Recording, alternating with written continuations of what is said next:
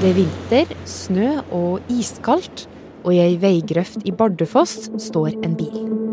Den har kjørt utfor, sjåføren er bort, men et ID-kort ligger igjen. Bilen tilhører en offiser i Forsvaret. Og snart skal han bli mistenkt av politiet for fyllekjøring, noe han selv benekter. Men det finnes kanskje vitner blant offiserens underordna som han hadde festa med tidligere på kvelden. Og nå får en av dem ei melding. Ikke fra politiet, men fra sjefen. Fra offiseren selv. Og han ber hun slette hele festarrangementet og si at han ikke drakk. Det vil hun ikke. Det siste året har varslingssak etter varslingssak ramma det norske forsvaret. Ja, NRK har møtt kvinner som forteller hvordan de ble utsatt for sexpress av en høytstående offiser. Line Svingen var oberstløytnant og Forsvarets første kvinnelige helikopterpilot. Luftforsvaret behandlet henne så dårlig at hun truet med rettssak. NRK sitter på flere enn 70 varsel mot offiserer i Forsvaret.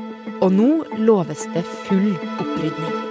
Forsvaret har jo stått i en veldig tøff periode knytta til de varslingssakene som har blitt eh, veldig godt kjent gjennom media.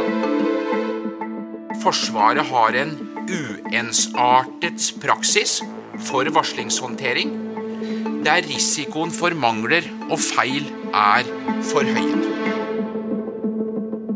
Hva er det egentlig som har foregått? Du hører Forklart fra Aftenposten. Jeg er Marit Eriksdatter Gjelland. I dag er det onsdag 23. november. Forsvaret er en organisasjon som eh, store deler av befolkninga har jobba i, men som framstår nokså lukka av eh, naturlige grunner. Det er naturlig med en god del hemmelighold fra de som skal forsvare landet vårt mot fremmede makter og interesser. Det har eh, tradisjonelt sett vært en virksomhet som har foregått bak høye piggtrådgjerder, og som for oss i media har vært vanskelig å få særlig innsyn i. Det, det er stor grad av gradert og taushetsbelagt informasjon. Det har vært lite innblikk å få i det indre livet, og lite kritikk som har kommet til overflaten innenfra. Det handler nok mye om det samme, det er en hierarkisk organisasjon, og det, det er stor grad av lojalitet i Forsvaret. Og det er en utbredt kultur for at informasjon ikke tas med ut til offentligheten. Så det var derfor svært utfordrende og spennende for oss å gå i gang med, med arbeidet med disse sakene, for å prøve å belyse det som framsto som til dels alvorlig ukultur på innsida i Forsvaret.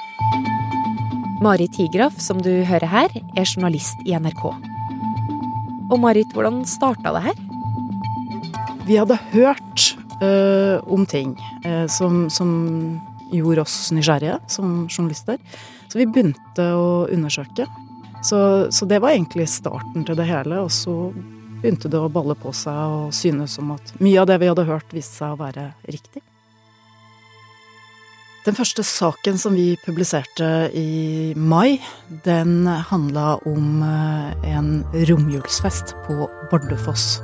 Forsvarskolleger samla der i romjula. Men den handla nok vel så mye om det som skjedde etter den festen. En av hans underordna, oversersjant Kristine Solhaug, hadde arrangert fest denne romjula. Hun sier hun så sjefen drikke den kvelden, og det forteller hun videre til politiet.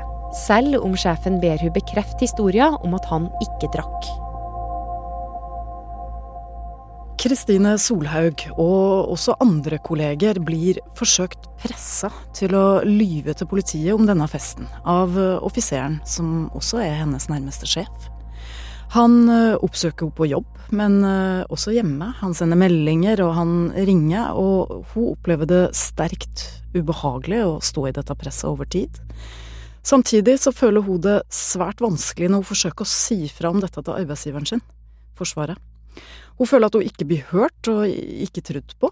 Solhaug gir ikke etter for presset. Offiseren han blir dømt i retten for fyllekjøringa, men også for å ha forsøkt å påvirke vitner. Det hele ender med at eh, Kristine Solhaug slutter i jobben sin på Bardufoss og flytter derfra, mens majoren får fortsette, i en mer ansvarsfull stilling enn før. Ja, og i saken så sier jo offiseren fortsatt at eh, han mener han ikke har gjort det han ble dømt for, og at han har sendt saken til gjenopptakelseskommisjonen. Samtidig så sier Forsvaret at de vil se på varslingssystemet, og om det er godt nok. Men Marit, hva tror du egentlig er grunnen til at Solhaug gjør noe som nesten ingen andre har gjort før, nemlig å kritisere sin egen ledelse så åpent? Ja, det var en overraskelse for meg også, men hun ville, hun ville For det første så ville hun stå fram åpent, eh, og hun ville selv ha på uniform. Og det var for meg veldig sånn sterkt at hun hadde et ønske om å Nei, uniformen er arbeidsantrekket mitt, og den ønsker jeg å ha på meg. Og så står hun også fram rak i ryggen og, og kritiserer sin egen ledelse og Forsvaret som organisasjon og arbeidsgiver. Eh, det er mange saker. Det er mange som også velger å ikke varsle fordi de veit at det ikke kommer noen vei. Man føler seg aleine. Man blir kanskje ikke trodd. Altså, det er sjefer som har gjort fæle ting, men eh, er fortsatt i jobb. Til svar på det her så sier forsvarssjefen at han skjønner bekymringa, men at Forsvaret må gi folk en sjanse selv om de begår feil. Men alle er kanskje ikke enig i det, og etter at saken fra Bardufoss har kommet frem, så renner det inn tips i innboksen til Marit og kollegaen. Tips om ting som foregår i Forsvaret, og som ikke har tålt dagens lys. Før nå.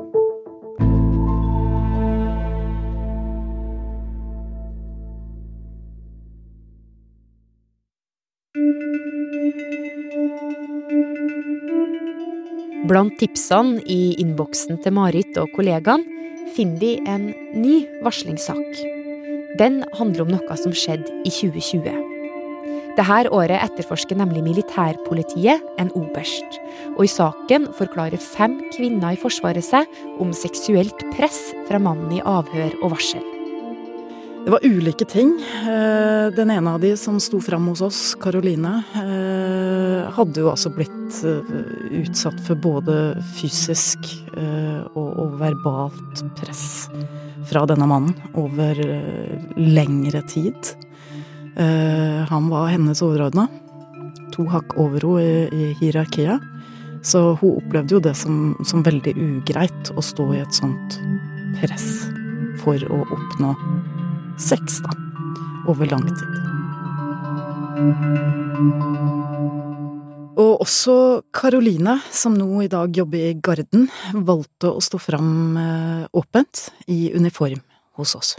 Det er vanskelig når man er to i bilen, på en måte, og eh, både være hyggelig og høflig og avvisende eh, med sjefen sin.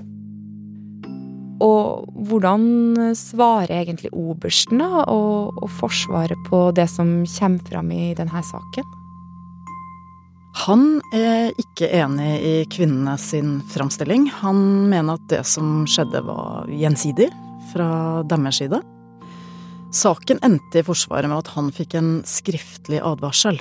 En advarsel som ble sletta etter to år, og som nå er borte fra hans rulleblad. Mm. Og han, da? Han har fortsatt stillinga si i Forsvaret. Og mens sakene om varslene rundt seksuell trakassering ruller og går, sitter en oberstløytnant, altså en av de høyere militære gradene, og venter på å fortelle sin historie. Og da må vi vise at det får konsekvenser, og at det settes inn arbeid. Lena Kvarving er oberstløytnant, og det er en høy grad i Forsvaret. Og når hun sto fram i uniform og kritiserte egen toppledelse for å ikke ta skikkelig tak i ukulturen, så ble det et nytt vendepunkt. På hvilken måte da? Det åpna jo liksom opp for at uh, det begynte å rulle inn kronikker uh, i diverse medier fra, fra oberstløytnants grad, altså fra folk høyere opp i systemet, som, som skrev og satte ord på uh, et ubehag ved det, den situasjonen arbeidsgiver var havna i. Det slutter likevel ikke her, og for to uker siden kom enda en sak om ukultur fram i lyset, denne gangen fra en norsk base i Sør-Sudan. Nå kan NRK avsløre at mange offiserer ble refset for alvorlige forhold som sexkjøp og seksuell utnyttelse under tjenesten i 2013, uten at offentligheten fikk vite om det. Likevel sendte Forsvaret to av de refsete ut i eh, internasjonale operasjoner igjen, i strid med egne regler. Vi kontakta alle de offiserene som, som, ble refsa for dette her, sånn, og, og de har erkjent og blitt ilagt refs. Eh, og Forsvaret eh, la seg vel, kan man si, rimelig flat i intervjuet med oss og si at eh, de ikke var spesielt stolt av det som skjedde i Sør-Sudan, og at det skulle aldri ha skjedd at to av disse her ble sendt ut igjen i nye internasjonale operasjoner. Forsvarssjefen kalte det for en glipp. Ja, og på et lite halvår nå så har det jo blitt ganske mange saker om kulturen i Forsvaret og hvordan varsla har blitt håndtert. Hva er likhetstrekkene mellom de her sakene? Ukultur. Eh, maktmisbruk i, i, det som jo er en hierarkisk organisasjon. Eh, mangel på konsekvenser for de som har begått overtramp eller alvorlige kritikkverdige forhold. Men også hvordan det har vært å være varsler i etaten. Eh, det har vært eh, mangel på informasjon for de som har varsla om kritikkverdige forhold. Eh, de har stått i et vakuum, ikke, ikke, fått vite særlig om hvordan det har gått, eller sett særlig av synlige konsekvenser for de de har varsla på, mens det kanskje har hatt konsekvenser for de som har varsla selv. Og det som gjør dette litt ekstra alvorlig, er jo at det er en stor og mektig etat som Forsvaret vi snakker om her. De som er satt til å forsvare landet vårt og våre interesser mot fremmede makter og interesser. Ja, men hva er egentlig grunnen da til at eh, Forsvaret i det, i det hele tatt har alle de her utfordringene som dere har pekt på? Jeg tror at eh, en del av grunnen ligger i at det er en, eh, en eh, i særdeleshet hierarkisk organisasjon. og at den er prega av stor grad av lojalitet oppover i pyramiden, for å kalle det det. Og så er det også en eh, organisasjon hvor det er til dels litt uklare grenser mellom jobb og fritid, skulle jeg si. Man lever eh, sammen som nære kolleger, men også venner utenfor eh, arbeidstid. Og så tenker jeg at det har vært liten grad av innsyn fra offentligheten. Det har vært liten grad av offentlig debatt om kulturen og, og hvordan de har det på innsida. Og Marit, det her har jo på en måte Forsvaret nå igjen og igjen blitt konfrontert med? Altså, hvordan har de reagert på avsløringene? Altså, de har jo medgitt at ting i varslingsprosesser eh, ikke har vært bra. Eh, absolutt. Og at ting ikke skulle ha skjedd, som vi har fortalt om. Og at også har forsvarssjefen vært eh, veldig opptatt av at eh, ting ikke har fått riktige konsekvenser for de som har begått alvorlige overtramp, men det han sier, er at uh, han kan ikke, han har ikke juridisk mulighet til å ilegge nå ilegge uh, alvorligere konsekvenser for uh, forhold som er avslutta tidligere. Men det de har gjort, og det gjorde de allerede i sommer etter de to første publiseringene våre, da ba forsvarsministeren forsvarssjefen om en rapport. Bakgrunnen for prosjektet var at det var en del oppmerksomhet i media eh, våren og sommeren 2022. Et av de tiltakene forsvarssjefen da eh, hadde besluttet, var en ekstern evaluering. Den rapporten var ganske knusende eh, om eh, Forsvaret sine varslingssystemer, for det var det den handla om. Og så sier de at vi skal komme med tiltak i forhold til det. Og det er fint. Men så er spørsmålet om det er nok, eller om det blir mer en, en symptombehandling, og ikke en behandling av sykdommen, hvis du sier at eh, Mange vil jo si at når det oppstår et varsel, så er det for seint, for da har det skjedd et kritikkverdig forhold. Eh, sånn at spørsmålet er om det er nok til å gjøre noe med, med kanskje hovedproblemet i organisasjonen, nemlig en, en ukultur som har fått etablere seg over mange år. Og Marit, du har jo faktisk også sjøl et eh, barn som starta i Forsvaret nå i høst, og det er samtidig som du og kollegaene i NRK jobba fram de her sakene om varslere i Forsvaret og ukultur der. Hvordan har det opplevdes?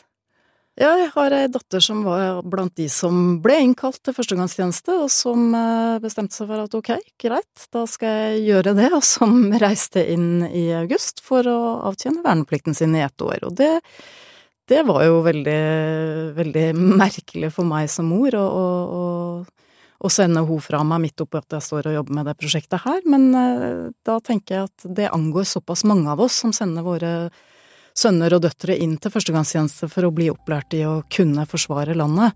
Og da ønsker jo vi alle sammen at de, vi skal vite at de er trygge og har det godt, og har en god opplevelse når de er ett år inne i Forsvaret.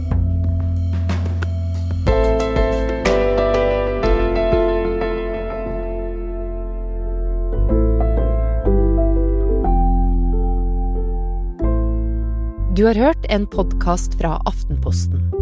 NRK-journalist Mari Tigraf fortalte om NRK sitt arbeid med ukultur og varslingssaker i Forsvaret. Lyden i episoden var fra NRK og Forsvaret. Episoden er laga av Jenny Føland og meg, Marit Eriksdatter Gjelland. Og resten av Forklart er Anne Lindholm, Synne Søhol, David Vekoni, Fride Næss Nonstad og Anders Weberg.